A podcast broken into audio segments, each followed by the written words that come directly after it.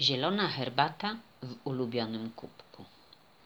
Są ludzie, i wbrew pozorom jest ich bardzo dużo, którzy mają swój ulubiony kubek lub filiżankę.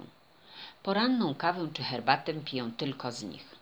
Kubek mojego dziadka przetrwał II wojnę światową, powstanie warszawskie i odkąd sięgam pamięcią, tylko z tego kubka dziadek pił wszystkie napoje.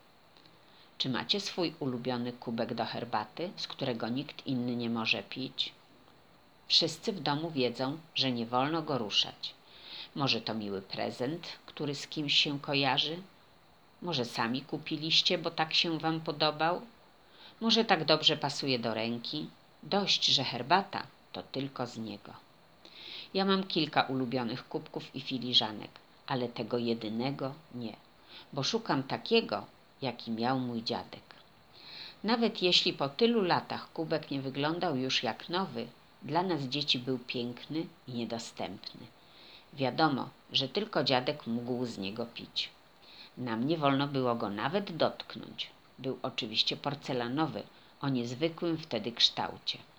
Po wojnie produkowano przede wszystkim jakieś najprostsze fajansy, wszechobecne na stołówkach i w barach mlecznych i dlatego kubki traktowano jako niepasujące do salonu. Tam do herbaty tylko szklanki, a jeżeli ktoś miał, to też filiżanki. Kubek dziadka był bardzo duży, myślę, że półlitrowy, ale jednak delikatny, z cienkim, dużym uszkiem. Widziałam teraz dużo kubków, które mają podobny kształt i nazywają się kubkami babuni. To zupełnie nie to. Może źle pamiętam, ale kubek dziadka był cieńszy i na pewno nie tak ukwiecony. Miał tylko jakiś delikatny, wytłaczany wzór. Kiedyś nie uchodziło, żeby weteran i powstaniec, a nawet zwyczajny pan domu pił z kubka w maki ptaszki i serduszka. Wtedy były jeszcze takie podziały na wyraźnie męskie i kobiece wzory. Dziadek pił oczywiście czarną i bardzo mocną herbatę. Wątpię, czy herbata zielona była w tamtych czasach powszechnie znana i raczej traktowano by ją jak ziółka dla starych ludzi. To się na szczęście zmieniło. Zielona herbata jest teraz na pewno znana i popularna, nie tylko wśród młodego pokolenia. Zawiera między innymi polifenole, silne antyoksydanty, witaminy i mikroelementy. Pomaga w odchudzaniu, jej składniki redukują tkankę tłuszczową, w zapobieganiu demencji dzięki polifenolom i chorobom nowotworowym. Przeciwutleniacze chronią przed substancjami rakotwórczymi. Ogranicza wchłanianie cholesterolu, czyli przeciwdziała też miażdżycy.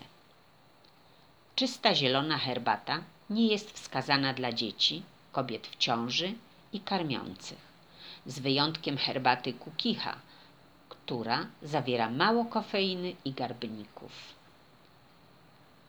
Parzenie zależy od gatunku, ale temperatura wody nie może nigdy przekraczać 90 stopni Celsjusza.